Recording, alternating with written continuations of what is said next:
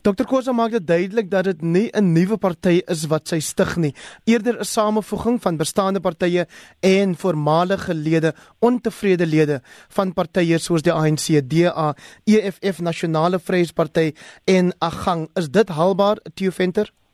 Wel, dit is 'n baie mooi begin en dit maak bymekaar, um, kom ons sê, 'n klomp politieke loslopers. Ehm um, dit klink dit klink romanties Maar ek dink die werklikheid is 'n heel ander storie om ehm um, daar 'n groepering bymekaar te kry in die lig van ehm um, al die gebeure wat nou nog in die ANC finaal moet plaasvind. Ek dink 2018 gaan 'n baie ander jaar wees as 2017.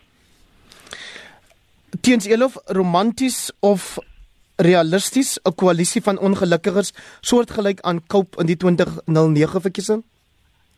Kyk laat ek eers sê uh, sy sy het natuurlik die totale reg om dit te doen in die in ons ons stelsel. Uh, laat eintlik toe dat klein partye bevoordeel word deur die deur die beginsel van proporsionele verteenwoordiging met ander jy weet jy het 'n aantal stemme nodig en jy het een een persoon in die party maar kos ek in die parlement en dit is maar kos ek kosa so dat dalk 'n bietjie ego by betrokke maar dit depend dit sy die reg wat doen. Of dit effektief gaan wees as 'n as 'n as 'n 'n goeie party dit dit dit wil mens nog sien die die probleem is natuurlik ons het 'n klomp van hierdie kleiner partye gehad en en saam weet maak nie regtig 'n verskil nie uh, glo ek nie. Hulle hulle hulle praat baie maar dit gee tog vir kleiner partye uh, stem. Ek ek dink dat dit hierdie kwessie is dat dat sy het uit die ANC uitgegaan en sy groot geloofwaardig gehad dat sy die standpunt ingeneem het in die openbaar teen Zuma. Maar dis hierdie is nie die herstigte ANC nie. Ek dink die herstigte ANC sal sal gebeur wanneer Nkosazana Dlamini Zuma wen en die en 'n groot groep mense wegbreek en soort van die die die nuwe ANC vorm. Ek ek dink ek dink hierdie is 'n kwessie sy sy sy sy wil nie alleen wees nie. Daar's ook ander ouens wat wat wil bykom maar ek dink dit gaan baie klein wees. Ehm um, en dit gaan nie regtig effektief wees nie. Theo Venter Jy hoor dat teens Elof sê dit is goed om stem te gee aan kleiner partye. Ander waarnemers sê dit versplinter die oppositie wanneer daar meer en meer partye gestig word? Nee, en daarop stem ek meteen saam. Dit is die die wese van ons ehm um, partytelsel en die wese van proporsionele uh, verteenwoordiging ehm um, het dit tot gevolg en dit het op sigself 'n ehm um, positiewe effek ehm um, dis hoe die stelsel werk. Maar ek oor oor Dr. Makosi Kosa kyk sy's 'n formidable vrou en en uh, ons het nou al 'n paar gesprekke self gehad en sy het ehm um, sy moes 'n paar strategiese keuses gemaak het. My gesprek met haar byvoorbeeld was: "Hoekom wag jy nie tot die 23ste Desember of 21 Desember tot die ANC se se uitvalle nou klaar geval het en jy neem jou besluit dan nie want wat ook al gaan gebeur na na 21 Desember gaan bepalend wees vir hoe die partytelsel gaan loop of wat ook al gaan gebeur en haar standpunt was eenvoudig dat albei die kante is ewe korrup. Sy sien nie kans vir een van die twee kante nie. Nou dit sê vir jou ietsie van haar en dit sê ook vir jou dat sy verwag dat sy die die die saamtrekpunt sal word van van 'n nuwe idee, ehm um, die die sogenaamde ruimte tussen die DA en die ANC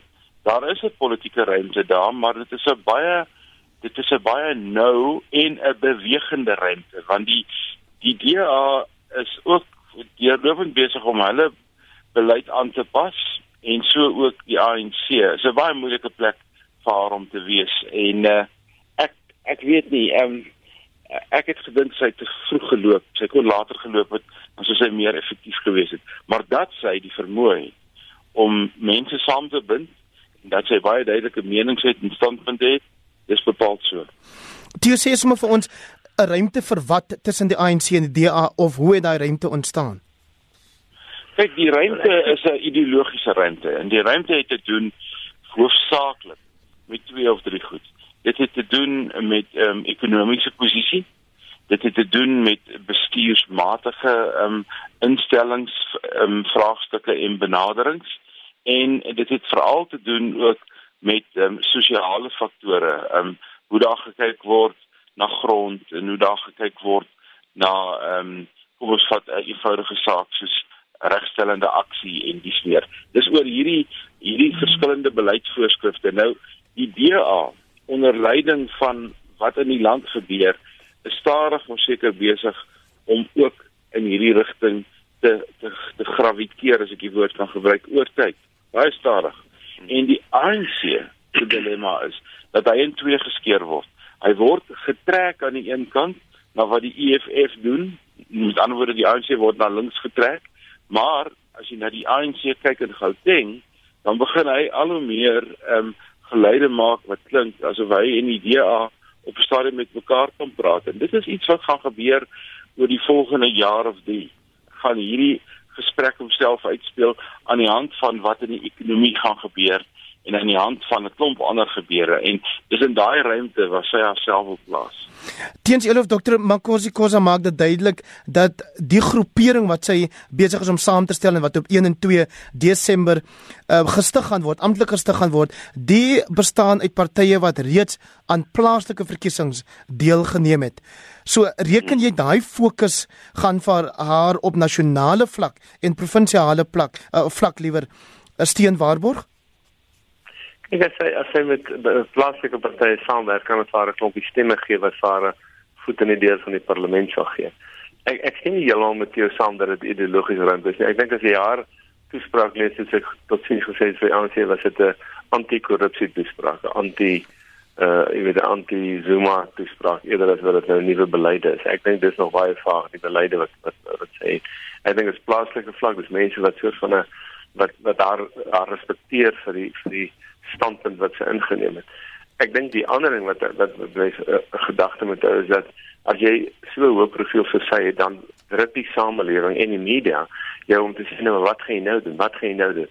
En ek dink sy kon eintlik nie anders by uit moes sy uitgaan want dit sy, sy kon nie sê ek kon wag dit is goeie raad wat wag gegee het sy moet wag tot die 23 Desember ek dink nie dit was moontlik nie want ek dink ja, as jy so openbare figuur is nie kry jy bloedsou dan word daar druk op jou uitgeoefen subtiel of nie subtiel nie So ek dink dit was eintlik onverwendbaar, maar kom ons kyk na die lang prentjie. As sy as sy en sê drie ander eh, met die aantal stemme wat hulle sou kon kry met 'n nuwe party in die in die parlement kan kom, dan gee dit 'n beweegruimte om terug te gaan na 'n sirkel ANC toe of na 'n DA toe of om saam te werk om 'n uh, meer verenigde front van oppositiepartye te gee. So en daai opsig is nie te heeltemal dom nie. Want as sy wou sou inskakel by die DA, dan sou sy dalk 'n agterbanker geword het. As sy gewag het vir hulle dan Party dalk sien jy sy's nie 'n moeilike persoon om te hanteer. Hier kry sy eie magsbasis, hoe klein ook al, om te sê ek ek is deel van die van die toekoms.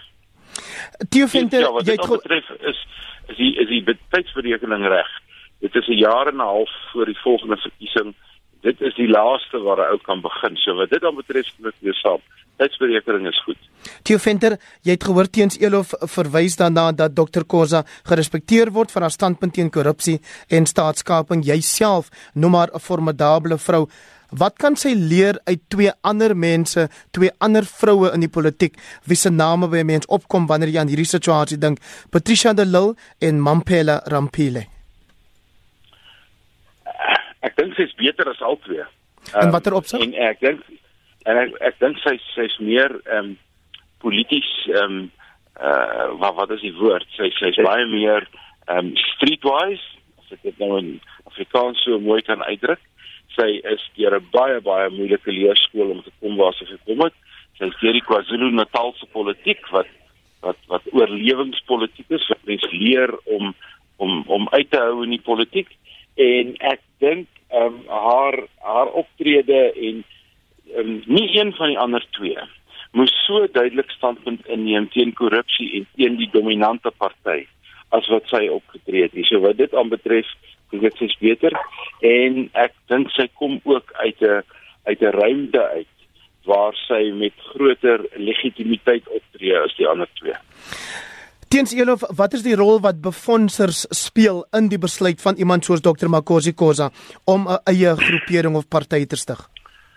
Nee, baie baie groot. Ek dink as mens groot wil gaan, dat jy baie geld nodig. Uh ek dink sy sal waarskynlik 'n paar individue kry wat help.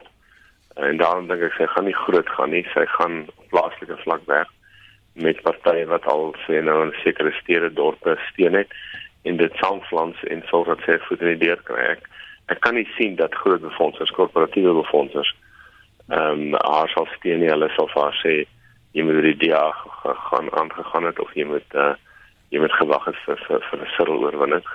So ek dink dit is 'n probleem wat sy het. Ek dink en ek net sê miskien ook oor oor oor uh, Mompella Rampella. Ek dink Mompella Rampella uh, is nie en was nooit 'n politikus nie. Maar Kosi Kosa is een. En dan dis hier dis die groot verskil tussen hulle.